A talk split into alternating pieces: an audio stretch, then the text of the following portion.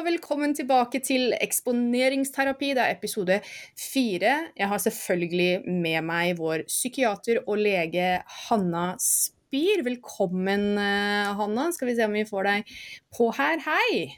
Hei, Rebekka. Hei, alle sammen. Godt å være her igjen. Godt å være tilbake. Vi eh, har jo spilt inn eh, tre episoder på transideologi, identitetspolitikk, hvor dette kommer fra. Vi har fått noen spørsmål fra publikum også, Hanna, om, eh, om trans. Mhm. håper at de spørsmålene er besvart i de tre episodene som vi spilte inn, fordi disse episodene har nemlig blitt eh, spilt inn på forhånd før vi begynte å sende første episode. Så dersom det er eh, spørsmål der som du ikke føler du fikk besvart, så kan du sende meg en e-post på rebekka. Vi tar eh, gjerne imot spørsmål på alle temaer, Hanna, eh, som vi da håper på å svare på. Eller vi håper at du kan svare på, det er vel egentlig, egentlig det vi driver med her. Jeg skal så godt jeg kan. Ja, Vi fikk også et spørsmål om hjernevask, og det skal vi eh, gå inn på eh, litt senere i sesongen. Nå er det feminisme som står på agendaen, og det er jo fordi feminismen har en såpass stor plass i samfunnet vårt, Hanna. Eh, feminismen har rett og slett overtatt, jeg vil jo si egentlig de fleste institusjonene vi har her i landet, og man kan jo eh, spørre seg Altså, Feministene sier at de kjemper for kvinners rettigheter. Men um, ja, jeg har terapikatt her også. Ja. det, hei, nå skal du si hei. Det er faktisk ganske vanskelig å bli sånn terapidyr. Oh. Man må øve masse. man må det, ja. Ja, vi hadde en uh, sånn terapihund uh, ved klinikken vår som gikk tur med pasientene. Det var veldig vellykket, men han hadde gått uh, flere kurs enn meg. Ja, riktig. Han har ordentlig opplæring, han. Han har opplæring, Han, det er derfor han, han bare dukker opp når det passer. Skal vi se. Eh, jo, hvilke eh, Feminister de kjemper for kvinners eh, rettigheter, Hanna, men man kan jo stille seg selv spørsmålet hvilke rettigheter er det menn har som kvinner ikke har i Norge i dag? Ingen? Ingen. Derimot så blir jo kvinner eh, eh, kvotert inn eh, i enkelte sammenhenger, f.eks. til eh, styrer, eh, i bedrifter, i det offentlige eh, hva skal vi si, arbeidstilbudet. Og det kan jo oppleves urettferdig. I hvert fall for menn som har jobba hardt for den samme stillingen. Det er jo en slags positiv diskriminering her. Men før vi kommer til de spørsmålene som angår oss i dag, så kan vi jo stille spørsmålet hva er feminisme, og hvor kommer den fra, Hanne? Nå var det ikke retorisk spørsmål, så nå liksom Signal, retorisk spørsmål, ikke svar. Nei, dette vil jeg faktisk at du skal svare på. Ok. Altså hvor den kom fra. Skal vi gå tilbake? Hvor skal vi begynne? 1800-tallet? Ja, gjerne 1800-tallet. Nei, altså For det, man, det vi hele tiden hører, det er jo uh, at feminismen mente godt. Ikke sant? Feminisme, Vi tenker på feminismen som begynte på 60-tallet. Men det har jeg lært. Jeg vil først og fremst bare si at dette er ikke mitt eh, ekspertisefelt i det hele tatt. Så et, eh, vi, vi kan komme til det senere, hvordan det har påvirket psykologien eh, etc. Men jeg skal bare Jeg har gjort mye eh, eh, læring på dette i det siste, da, med folk jeg har intervjuet, spesielt Janice Fiamengo. Hun er ekspert på dette, så hvis dere virkelig vil gå inn i dybden, så anbefaler jeg å ta en titt på henne. Men i hvert fall, det jeg lærte av henne, det var jo at hvis du går tilbake til eh, 1848, der feminismebevegelsen virkelig begynte i USA, så er feminismens mor Elizabeth Cady Stanton, og hun sto foran for um, The Seneca Falls Convention, og de skrev, hun og hennes kvakervenner skrev en, eh, en deklarasjon der, og hvis du går inn i språket deres, så hører du at det, de fokuserte på var mannehat, det var at kvinner har en moralsk overlegenhet, um, og det handler ikke egentlig så mye om hvordan kvinner lider, og man må forbedre kvinners liv. Det de fokuserte på, det var at menn alltid har undertrykket kvinner. At menns eneste interesse var videre å undertrykke kvinner og, og eh, altså erobre dem. De bruker ord som usurpation, uh, som er Jeg slo det opp. Så, på erobre. Hva, hva, hva, hva, betyr det? ja, altså, altså, virkelig, altså, virkelig, tråkke på dem, da. Så at menn er bare ute etter å tråkke på kvinner og få dem til å jobbe for seg. Og de bruker ord som Når det gjelder ekteskap, slaveri, sexslaveri, at eh, ekteskap for kvinner er som en konsentrasjonsleir. Altså, jeg ble virkelig sjokkert da jeg hørte dette språket. Hadde aldri eh, knyttet det Ekteskap er som en konsentrasjonsleir. Mm -hmm, mm -hmm. Og det var språk som de 60-tallsfeministene bare repeterte. Det var ikke de som fant opp noe av det her. Det her er fra uh, feminismens begynnelse. De, de brukte språk som dette. De ville ikke De argumenterte for fri kjærlighet allerede på 1800-tallet. Um, da ville de ha uh, bort med De ville ha fri uh, skilsmisse. De ville ikke De ville vekk fra monogami. Altså i det hele tatt Alt det her, dette var ikke noe nytt i uh, den her fem, da feminismebevegelsen ble feminismebevegelsen. Dette språket eksisterte allerede. Så det, det sjokkerte meg da til, å, å, lese den.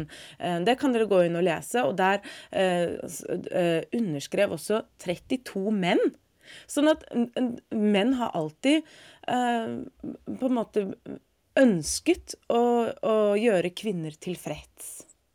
Ja, det er jo ikke noe nytt. Eh, hvis vi ser på den kvinnekampen som du sier som, som Altså, i forhold til det å få rettighetene til kvinnene på plass, og da snakker jeg ikke om skilsmisse, selv om det også er en, selvfølgelig, eh, men det er retten til å stemme f.eks. i valg, politiske valg, mm -hmm. Eh, så er jo det en, en, viktig rettighet. Det er jo her likestillingen kommer inn. ikke sant? Man er, man er mm. i loven, man skal ha lik verdi. Eh, og, og, det er jo en positiv ting, spør du meg, da. Jeg er jo, skal vi si, personlig så kan jeg vel si at jeg er jo en feminist av den av én type klasse, ikke den klassen du snakker om der, med undertrykkingen. Jeg husker det veldig godt da jeg begynte på Universitetet i Oslo. Da hadde jeg det var sånn obligatorisk fag vi hadde om kultur. Og inni der, pakka inn i dette pensumet, så var ekstrem feminisme, Hanna. Og når jeg leste det, så tenkte jeg bare Hjelp! Her har vi altså damer som vil, som du sier, vil undertrykke menn i 100 år for å gjenopprette balansen. Mm -hmm. Hvordan i all verden gjenoppretter du noen som helst balanse med å undertrykke noen andre? Og det her ser vi jo manifestere seg gjennom flere ulike samfunnsfelt. Vi ser det med eh, svart versus hvit. Vi ser det med Vi ser det på eh, altså rik og fattig. Altså, dette er en tanke og en idé. Det må jo være noe iboende menneske, hvis, eh, i og med at det, det, det dukker opp i så mange forskjellige felt. Men dette med å undertrykke andre for å gjenopprette balanse, det står veldig sterkt da i den ekstreme feminismen. Eh, ja, er det, det vil jeg jo si at um, det er det som er, har skjedd nå. At det har blitt til um, der Altså feminisme nå, sånn som det presenteres nå, det er der hvor det er forskjeller. Der betyr det automatisk at det finnes undertrykkelse. Sånn at du går ikke med å se på ok, har de den rettigheten, og har de den samme rettigheten. Men de, de ser hvor er forskjellene, så tar de for, deg, for, seg det først. Og her er det flere menn enn kvinner. Det betyr at det finnes undertrykkelse. Ikke, De tar aldri kvinners egen interesse um, i betraktning. De ser ikke at ja, kanskje kvinner er mer interessert i kunst eller antropologi eller psykologi. De, de ser at ah, her er det flere kvinner enn menn. Det betyr ikke, og heller ikke at ja, menn er mer interessert i ting enn det det er i mennesker. Kvinner er mer interessert i mennesker enn det er i ting. Så det er klart at det, ingeniørfag er ikke der kvinner strømmer til, med mindre det er kvoteringer. altså nå bare gjør vi jo alt vi kan for å dytte kvinner inn i yrker de egentlig ikke har så mye interesse for. Det er jo noe med det. Det har noe med interesse. og Vi var jo inne på det her tidligere i programmet når vi snakket om trans, Hanna. Det er det temperamentet eh, kjønnene har. Altså vi har to kjønn, mann og kvinne. Menn og kvinner er ulike, selv om vi har Nei, Nå driver du med hatprat. Ja, nå driver jeg med hatprat. Jeg beklager at jeg begikk denne tankeforbrytelsen nå i, rett i live her. Men, eh, men det, det, er jo sånn at de har ulikt temperament, var det ikke det du sa? Altså Kvinner og menn har ulike temperament. Det, be det betyr også at vi har ulike interesser. Ja. Vi kvinner er um, mer medgjørlige. Kvinner er lettere for å føle negative følelser. Det, kvinner er mer interessert i forhold, mer interessert i hvordan mennesket tikker. Og det er, vi, er, vi er jo um, um, vi, vi, vi, trenger å ta vare på barn. Det er slik vi er, uh, har utviklet oss slik at vi optimalt kan ta oss av barn og familie. Og Men så der, får, der hadde du sagt dette til 20 år gamle Rebekka, så hadde jeg fått ståpels. Alle hadde tenkt gud, for et fælt kvinnfolk. Eh, jeg husker at jeg prøvde å si dette i et av de da jeg gjorde psykoterapiutdanningen min. Så rakk jeg på den og begynte å snakke om at ja, men sant, den forskningen som jeg har lest, der er det eh, kvinner og menn er forskjellige. Og hvis du plukker en, en random mann og kvinne ut fra befolkningen og gjetter ja, kvinnen er mer medgjørlig enn mannen, så har du rett eh, oftere enn hvis du velger mann og de bare Nei. Nei, for det vil ikke innse at det er tilfellet. Det, det, er ikke noe snakk om at det er tilfellet. Men jeg mm. tenker på det tilbake til det du sa innledningsvis, når du gikk tilbake til 1800-tallet. Altså, det er noe um, Altså, det er en, et, et, fundament her i feminismen som egentlig diskriminerer seg selv. Det er sånn jeg ser det. Fordi her sier man altså at man er eh, man, man, eh, man er underlagt tvang fordi at man har en livmor. Det er egentlig det man sier. Jeg har en livmor, så jeg har en forbannelse. Og sånn tenkte jeg da jeg var yngre. Jeg tenkte at Det var så urettferdig at jeg hadde livmor. Hvorfor i all mm. verden skulle det falle på meg å produsere barn? Jeg mm. hadde jo så mye jeg ville oppnå i livet. Og når jeg tenker tilbake på det nå, Hanna, så tenker jeg Altså, hvor kommer dette fra? Jo, dette kommer jo fra det vi lærer i samfunnet. Det kommer jo fra det gjennom... Altså, det er et samfunn gjennomsyra av denne type form for ekstrem feminisme. Er det ikke det, da? Ah, ja, det, absolutt. Og det, det, former jo alt vi lærer fra vi er små. Alt vi ser på på TV. Hvis du virkelig tenker 'hvor har jeg fått ideene mine fra', så, så blir vi jo eh, dypt dyppet i det fra, vi fra, fra vi, første gang vi skrur på TV-en. Um, og um, um, ja, jenter i dag jo, har jo allerede en fordel når de kommer inn på skolen, fordi hele skolesystemet er jo, er jo nå uh, for, uh, formet etter hvordan jenter lærer best. mens når du ser i skoleklasser der hvor det bare er gutter, og de ser på hva gutter trenger, der gjør gutter det bedre enn i klasser hvor de er, mix, hvor de er, hvor de er blanda. Men det, men det, ser vi jo utslagsgivende også, Hanne. fordi vi ser jo at det er flere jenter som søker seg til høyere utdanning. Vi ser at jentene gjør det bedre på skolen også. Ja, ja, nå har, eh, og jeg så på dette i går, det et, en, en, et gjennomsnittlig universitet, altså hvis du går til hvilket som helst universitet, så har de 60% kvinnelige studenter. Og eh, nå er det i hvert fall USA, jeg så på US Labor Statistics, de har nå mer enn 50% av eh, arbeid, arbeidene de er, de er, kvinner, fordi unemployment blir noe høyere blant, blant menn. Så når vi ser, menn, menn lider i samfunnet, allikevel så fokuserer vi bare på å gjøre kvinners liv bedre, hvor, det, hvor er det færrest kvinner? Mens i Norge så velger jo kvinner vekk toppjobbene fordi at de ønsker å, å, å fokusere på familien. Så hvis du går til land som Norge, hvor, hvor alle hindringene, sosiale hindringene er borte, spiller ingen rolle om du er mann eller kvinne, du har like forutsetninger i livet inn, i Norge, noe som er flott. Men da ser du at kvinner velger å gå etter der hvor de har interesser. Så vi har flere kvinnelige sykepleiere, eh, og vi har flere eh, mødre som velger å jobbe deltid, som velger utdanninger der hvor de kan jobbe deltid senere. Ja, fordi det, det, er jo det her som er interessant, ikke sant. For da kommer vi tilbake til det der med å være forbannet med en livmor. Eh, fordi på et eller annet tidspunkt så kicker det biologiske inn. Ja, jeg er et levende eksempel på det, så jeg, kan stå for det. Jeg, jeg hadde en venninne i barndommen som var veldig opptatt av å bli mor. Vi syntes alle hun var veldig rar. Eh, og så kommer man eh, Begynner 20-årene å gå mot slutten, og da begynner man å tenke på familie og barn. og det, det er et sånt biologisk instinkt som kicker inn. Mm. Og, det, og, det, skjer med de aller fleste kvinner, vil jeg påstå. Jeg tror at hvis man ser på statistikk over dette, eller hvis man gjorde en, en, en avhandling eller en doktorgrad og gjorde faktisk det statistiske arbeidet og det, altså, sosiale arbeidet i forhold til kvinner og når de ønsker seg familie, hvordan dette psykologisk utvikler seg gjennom 20-årene, så ville man fått et øh, kanskje, Det er en del feminister som kanskje hadde fått seg en overraskelse, vil jeg tro. Eh, og da mm. har man allerede satt det opp for, eh, for, failure her, fordi man har tvunget kvinner inn i eh, høye stillinger hvor de egentlig ikke skal ha fri. Altså Man skal overlate barna sine til det offentlige. Man skal, ikke ha det i barnehagen, man skal ikke kunne være hjemme og ta vare på ungene sine. Det resulterer i en utslitt mor som både jobber, tar vare på hjemmet og barna. Og det resulterer også i en utslitt far som må bo med en sur kjerring, for å si det rett ut.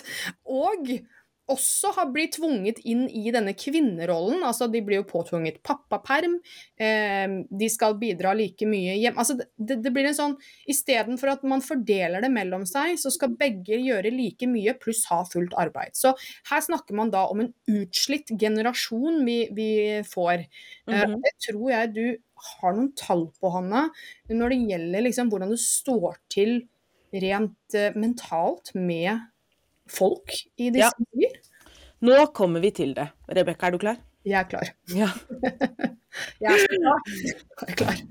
Altså, i fjor, ferske tall på det her, så besøkte 22% av norske kvinner eh, eh, sin fastlege med psykologiske symptomer. 22% Wow. Og det går hånd i hånd med tallene vi har. Altså én av fem kvinner blir deprimert i løpet av livet. Um, 40% av kvinner har symptomer på utbrenthet. Um, I hvert fall 15 har angst. Men disse her kommer jo hånd i hånd. da, altså Veldig mange kvinner som presenterer med depresjon, de har også angstsymptomer. Uh, det er ikke alltid så lett å, å virkelig skille på de tingene. Um, og det uh, Ja, utbredt det, det, er de tre diagnosene som er absolutt vanligst.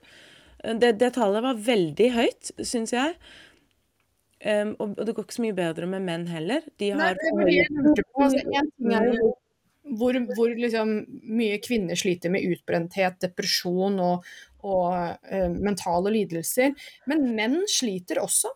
Ja, absolutt. De er jo mer um, De handler fortere, uh, og um, altså det, det, er slik de reagerer. Da. De, de, de, handler slik at de har høyere suicidrate, de har, de har øh, høyere tendens til å til dopmisbruk. Så der ser du virkelig tallene. Men, men også hvis du går inn på Folkehelseinstituttet, Folkehelseinstituttet sine sider, så ser du er grafene der uh, plain as day. Og der ser du også tallene for depresjon og angst uh, hos menn. Går sakte, men sikkert oppover. De er ikke like krasse som hos kvinner, men, uh, men du har høye tall for menn i dopmisbruk og, og suicid og gambling.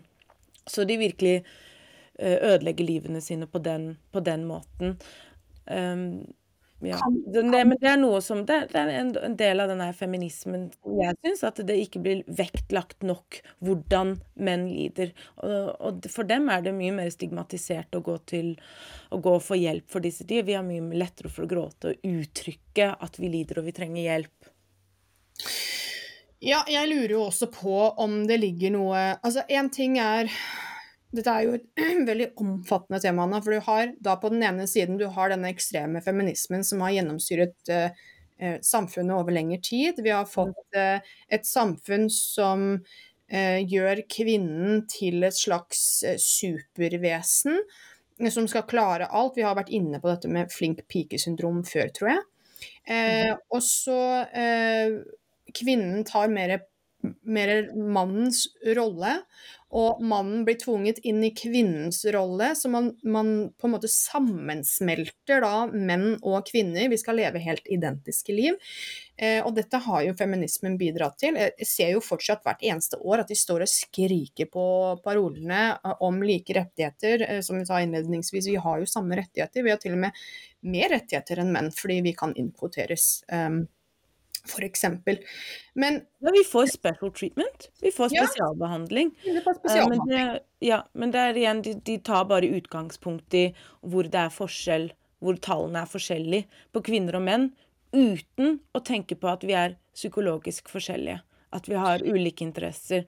Og så gjør vi også Så vi i ekteskap Vi tar fra menn det de kan gjøre. Menn kan aldri bli mødre, men vi kan jobbe og tjene like mye som dem. I veldig mange tilfeller nå, mer og mer, så, så ser du at uh, kvinnen er den i forholdet som, som tjener mest. Og de forholdene har høyere skilsmisserate. Beklager, sånn er det. Jeg sa det.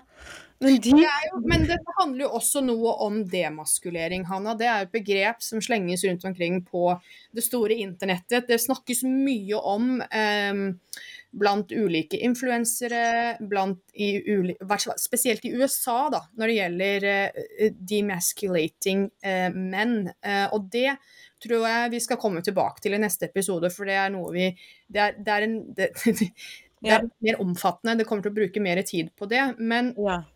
men når kvinnen tjener mer, så er jo det en form for demas altså det å demaskulere mannen, som gjør at han ikke føler at han oppfyller og, og det går jo rett inn i resten her. Hvor er mannen egentlig oppi der? Menn forstår jo ikke sin egen rolle. Menn har jo ikke den samme de, kan ikke identifisere seg som menn. Akkurat som kvinner eh, Det å være kvinne i dag, det er å være noe mer enn å være en kvinne, på en måte. Du skal ta over andres områder. Og Mhm. Bare for å understreke det for dere som ser på, så er ikke verken jeg eller Hanna, tror jeg, det får du jo svare på etterpå, eh, for at kvinner skal sitte fast i hjemmet. At kvinner skal eh, eh, sitte fast der og eh, lage 18 barn og slave på kjøkkenet og aldri komme seg ut. Det er ikke det vi snakker om her, men vi har et, feminismen har ødelagt eh, forholdet mellom mann og kvinne. Fordi det er mer komplekst enn å bare Vi, vi er faktisk biologisk forbundet. Mhm. Ja. Ja, blant annet. Altså, vi har jo gjort eh, altså Samfunnet som storsamfunn eh, har jo på en måte også bidratt til denne demaskuleringen. Og så er det da kvinner som står der og sier at «Ja, nei, menn er ikke sterk nok, og jeg er for sterk for en mann. Er du egentlig Ja. det? Ja, men det, det er jo det vi får. Jeg ser jo på hva barna mine ser på, før jeg skrur av eller skifter kanal. Og Ja. det er jo bare fortsatt girl power og eh, kvinnelige superhelter, og kvinner kan gjøre ting som menn ikke kan. Og da eh, innskrenker du mennene veldig. Hva skal, hva skal de gjøre, da?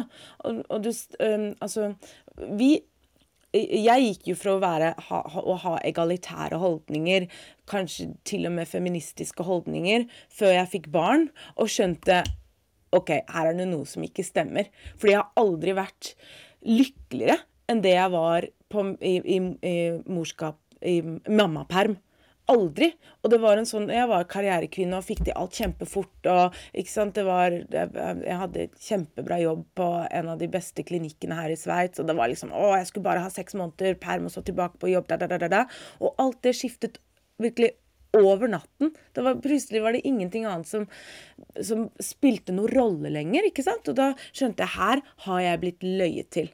Her er det noe som ikke stemmer. Vi er ikke, vi er ikke den samme arten.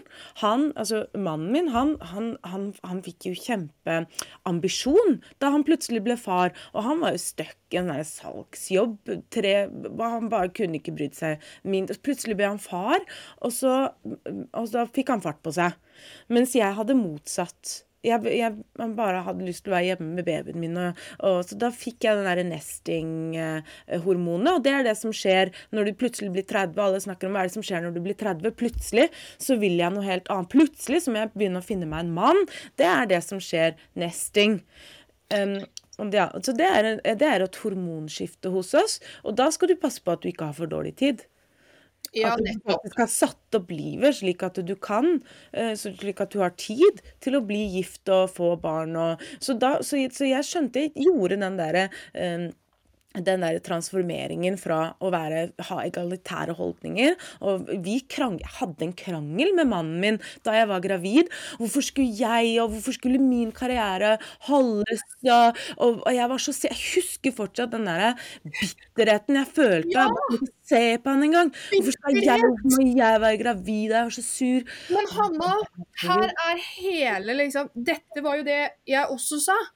Det er den bitterheten over å ha en livmor. En bitterhet over å ha ansvar for et menneske som du gror inni kroppen din. Det å få barn, den bitterheten, den løgnen vi har blitt fortalt om at Hva, hva, hva er det du pleier å kalle det, Hanna? Er det den glamorøse Ja, den glamorøse um, karrierekvinnen. Ja. Vet du hva, jeg fant en ny, for jeg eh, intervjuet Suzanne Wenker for Psychobabble uh, forrige uke, og hun, hadde, hun har skrevet en bok om alpha females, og da klikket det for meg. Det er det det er. Det er alpha females. Og hun, hennes bok handler om uh, hva skjer when the alpha female gets married. Og jeg bare Det er det som er problemet. Ikke sant? For det har jeg sett i klinikken så mange ganger. Det er den 45 år gamle kvinnen som kommer inn, nær skilsmisse, hun er utbrent. eh, Liksom hun på en måte våkner opp og skjønner at er, her har jeg latt ting gå meg forbi. Og når hun kommer til det tidspunktet, så har barna ADHD og lærevansker og angst. Og de får ikke sove. Ekteskapet er nesten ferdig. Liksom. Alle disse problemene som ikke ville ha oppstått, mener jeg, hvis det ikke hadde vært for sånn feministisk psykopatologi. Det har jeg begynt å kalle det. Feministisk psykopatologi. Det er det at du prøver å, å være eh, Begge prøver å være like mann og like kvinne. Ja. Og det går for oss, fordi at vi kan ta på oss mannlige oppgaver i dagens samfunn. Men mennene kan ikke ta på seg de kvinnelige oppgavene. De kan ikke tvinge seg selv til å være mer um, nurturing, mer moderlige. De har ikke det samme oksytocinnivået som det vi har. Og det var en spennende studie. Unnskyld, nå hopper jeg fra ting til ting, men dette må jeg si. Men det var de studiene hvor menn de, eh, de eh, sprayet oksytocin i menn. De har en sånn nesespray med, med, hvor de kunne tilføre oksytocin til menn for å se hva oksytocin er det hormonet som gjør at vi er moderlige, som gjør som, som når, vi, når, vi, når vi ammer, så, så kommer det gjør at vi føler, kjær, føler oss kjærlige. Ja. Og kvinner har veldig mye av det. Det er også det vi får når vi har sex. Så kommer det mer oksytocin, så derfor så er sex en annen påvirkning for kvinner enn det det er for menn. Jada, jada, jada. Men da de ga menn denne sprayen, så ble de um, playful. Så begynte de å leke med barna. Så de har ikke samme reaksjon på oksytocin som med barnet det vi har. Når vi får det, så bare å, kose. Å ja, det er så hyggelig å amme, og det er så deilig. Å. Så jeg ble faktisk euforisk da jeg ammet. Det var sånn, det var det var deilig. Det var ingen som har fortalt meg det. Alle har bare sagt at amming det er en fulltidsjobb. Og, Du må passe på puppene dine, for de kan bli litt ja, og til, og jeg bare Å, herregud, kanskje jeg skal få meg sånn derre eh, nipple protection? Å nei, du kommer til å bli så såret. Hvilken krem skal jeg bruke? Så det var det du Det var, det var det var det jeg trodde om amming. Og så skjedde det. Bare dette er jo helt fantastisk. Det var ingen som hadde fortalt meg om de gode effektene. Men uansett, når menn får oksytocin, så begynner de å leke med barna. Ikke kose med dem. Hva sier det deg, Vi kan ikke dette hormonet, Hanna, spraye det i våre partnere, og at de leker mer med oss. Kan vi få litt mer playful uh, menn? Hvem leker med oss? Hvem skal du leke Nei, med? altså, Hvis menn er litt sånn kjipe, så kan vi gi dem den nesesprayen, og så blir de litt sånn mer om playful. Altså lekne og morsomme, liksom. Ja, men det er jo noen menn som er mer som, er, eh, Ja, som har litt mer av det lekende enn det Det er jo menn som jobber i, som jobber i barnehage, som bare liker å leke med barn. De har også forskjellig hormonnivå enn det vi har. Men nå eh, Det var min digresjon. Ja, nei, altså, jeg tenker bare på det at uh, Du har jo vært inne på det i tidligere episoder, at vi har jo ulike temperament, og noen er jo mer feminine og maskuline osv. Og, og det, det er jo ikke noe som eh, Altså det kan jo uh, gjelde begge kjønn. Du kan jo ha mer feminine menn og mer maskuline kvinner, absolutt. Men det er noe med den dyrkelsen av den type kvinne vi har i samfunnet, og den type mann vi har i samfunnet. Og jeg har notert meg på siden her, for nå har jeg begynt å notere. for det, det, er mye å ta tak i, som, som du sier. Men det er noe med dette instinktet hos menn, provide and protect. Altså beskytte og sørge for. Og så er det noe med det hos kvinner som er da, som du sier, nesting, altså det å skape hjemmet. Og det er noe som er iboende i oss biologisk. Men, og jeg tror vi kan kalle dette, Hanna, livmorens forbannelse, som er den største løgnen som vi blir fortalt som fra vi er små jenter til vi blir voksne, og eh, gjerne ikke oppdager er en løgn før vi kommer sånn halvveis ut i 20-årene eller halvveis ut på karrierestigen, hvor vi oppdager at det ikke er noe. Um, ja. det, er ikke, det, er ikke, givende nok. Ja, den, den realisasjonen, realiseringen, den skjer jo senere og senere. Hos kvinner vi tenk, tenker jo senere og senere at denne endringen kommer til å skje. det, you know, altså 30 år gamle kvinner som fortsatt blir fortalt at du har masse tid, du er fortsatt så ung. Og så ja, OK, to år til, da. Mm. Ja, og så blir det også fortalt at du ikke skal ta vare på barnet. De skal jo i barnehage før de klarer å snakke. ikke sant? Den derre stakkars lille ungen. Jeg kjenner jo for øvrig også flere og flere som får barn, som velger å bli hjemme et ekstra år, eller tar seg deltidsarbeid. Og um, det er jo noe i Norge som er veldig sett ned på, opplever jeg. Min, det, dere der hjemme får korrigere meg hvis dere er uenige med meg. Kom igjen, kommenter i kommentarfeltet, send inn spørsmål og deres tanker. Men sånn som jeg ser det, ut ifra eh, mitt ståsted og hvordan jeg har vokst opp, og hva jeg har blitt lært, og hvordan jeg oppdaga at jeg eh, har blitt løyet til, rett og slett, det er det at eh, vi syns jo um, kvinner som vil bli mor og ha et familieliv og, og gå hjemme, er utrolig rare. Altså, det, Har de ingen ambisjoner for livet sitt, liksom? Bli mamma, hva er det for noe? Skal du ikke ut og reise? Skal du ikke ha en flott toppjobb? Skal du ikke, mm. eh, unnskyld språket, knulle rundt? Altså, hva er feil på deg, liksom? Ja, jeg får den eh, reaksjonen hele tiden. Og nå blir folk litt lettet, da, nå som jeg gjør det her, men jeg er veldig tydelig. Jeg sier dette her, disse, det er bare liksom sideprosjekter. Akkurat som kvinner pleide De pleide jo ikke å gå hjemme og kjede seg, de hadde jo masse å gjøre. Um, ja. Men de var jo veldig uh, involvert i um, charities, i, i, sine lokale uh, ting. Det, hvis vi skal gå for tilbake, bitte litt tilbake til det her med stemmerett og sånn, at uh, kvinner hadde alltid stemmer. De var veldig involvert i lokallag de, og sosiale reformer. Hvis du leser en bok av en mann som het Harrison Han skrev en bok om, om anti-suffragettes. Han sa det at det, det, er vanskelig å finne en sosial reform som, som kvinner kjempet for. Det var liksom om, om utdanning, om skole, om hvordan de hadde det i hverdagen. Som ikke ble innvilget. Og jeg tror enhver en mann, mann som er gift, eh, kan jo underskrive på det at eh, du vil ikke komme hjem og fortelle kona di at 'nei, jeg stemte mot det du har kjempet for i alle år'. Ikke sant? Så det var veldig sånn Én stemme per familie tenkt. I, og, og, mer enn 85% av kvinnene var jo i ekteskap. Så det å lage et bilde om at kvinnen ikke har stemme, og at de aldri hadde noe å si, det er jo bare helt feil. Sånn, det var det. Ja. ja. Uh, ja, det var feil, men, men, det har jo noe med Altså, uh, det har jo også noe med den individuelle friheten å gjøre. Og jeg tror det er uh, jeg tror det er en naturlig del av oss som vil være altså ha denne individuelle friheten. Det er jo derfor vi i Document f.eks. Eh, kjemper så hardt for den. Eh, og, eh, men ikke sant, hva, Spørsmålet her er jo hvor, eh, hvor, fri er vi egentlig til sinns? Fordi vi lar oss jo manipulere eh, av det aller meste. Og når du ser hvordan det har gått med feminismen, Hanna, og da mener jeg ikke nødvendigvis at menn er i noe bedre stand til å avgjøre hvem som skal gjøre det godt politisk, eller gjøre det eh, bedre i en toppjobb. Um, kanskje tar jeg tilbake det siste jeg sa der. Uh, men uansett så, uh, så er det Altså, det er ikke noe sånn at menn er bedre enn kvinner, eller kvinner er bedre enn menn i livet. Det er det at vi er forskjellige. Og vi har forskjellige egenskaper, vi har forskjellig temperament, vi kan bidra på ulike måter, men vi ønsker jo å være individer allikevel. Og jeg tror jo det er det som krasjer også i mange ekte, eller kanskje ikke så mange ekteskap lenger, da, men i forhold. Eh, når du hører hvorfor kvinner har gått fra menn, f.eks., etter mange år. Det kommer som en overraskelse på mannen, ikke sant. Men kvinnen har jo gått og, da, og eh, protestert dette bruddet kanskje i to, tre, fire år før det faktisk skjer. Det er jo at, eh, at eh, man ikke man, man er ikke seg sjøl lenger man har, hatt, man har ikke tatt vare på sitt individ. Man har ikke eh, vanna sin egen blomst, for å si det på den måten. Det hørtes litt rart ut, men, men, man har ikke fått være seg sjøl, da.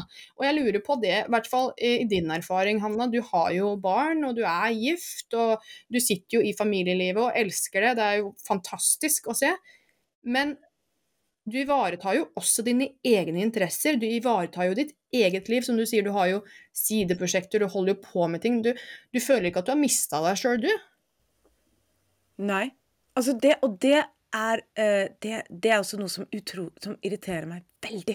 At man sier til kvinner at uh, du må beholde din egen identitet. Og når du kommer inn i forhold, du må passe på at du liksom har dine egne venner. Og det er det jeg tror fører til så mange dårlige ekteskap. Det at vi tenker at uh, man må være sin egen person selv om man er i et ekteskap. Ja, Men da lar du også ikke ekteskapet skje slik som det skal skje. Du skal bli uh, interdependent. Og nå til dags så lar man ikke det skje. Så du, du, du, skal være så symbiotisk med ektemannen din at dere ikke har så mange at dine venner og mine venner. Men en, en ny trend nå er jo at eh, du drar på guttetur, og når det er jeg har ferie, så jeg, drar jeg på jentetur. Det er veldig mange som gjør nå, blant, blant våre venner, og, og, norske også. Det er, um, og det tenker jeg som et til dels sykdomstegn. Fordi du venter og venter på å ha ferie. Hvorfor vil du ikke ha ferie sammen med mannen din? Mm. Og hvorfor skal du ikke ville sove i samme seng som mannen din? Det er så mange som tar barna inn i sengen og skal sove. Men tenker jeg, da er det allerede noe som tilsier at ekteskapet ikke, er, ikke går sånn som det skal gå. Hvis du ikke har noe problem med at barna sover i sengen din. Er det fordi at vi er såpass egoistiske blitt, Hanna? Til det, altså, ja, det er, det er nemlig ego. Ja, ja, ja, at du, at du, skal ha dine egne hobbyer og dine egne uh, Men hvis, hvis, du, hvis, du, har et uh, florerende familieliv, så er det så begrenset hvor mange hobbyer du kan ta for deg. Er, det ikke hvis du gir barna dine det de trenger, og passer på den tilnærmingen barna har til deg, så kan du ikke gå ut på kvelden uh, mandag, onsdag og torsdag for de barna har jo vært allerede på skole og i barnehage hele dagen. De trenger deg først. Men nå har vi blitt så kvinnefokusert, syns jeg, at barna blir oppofret for kvinnens um, Realisering.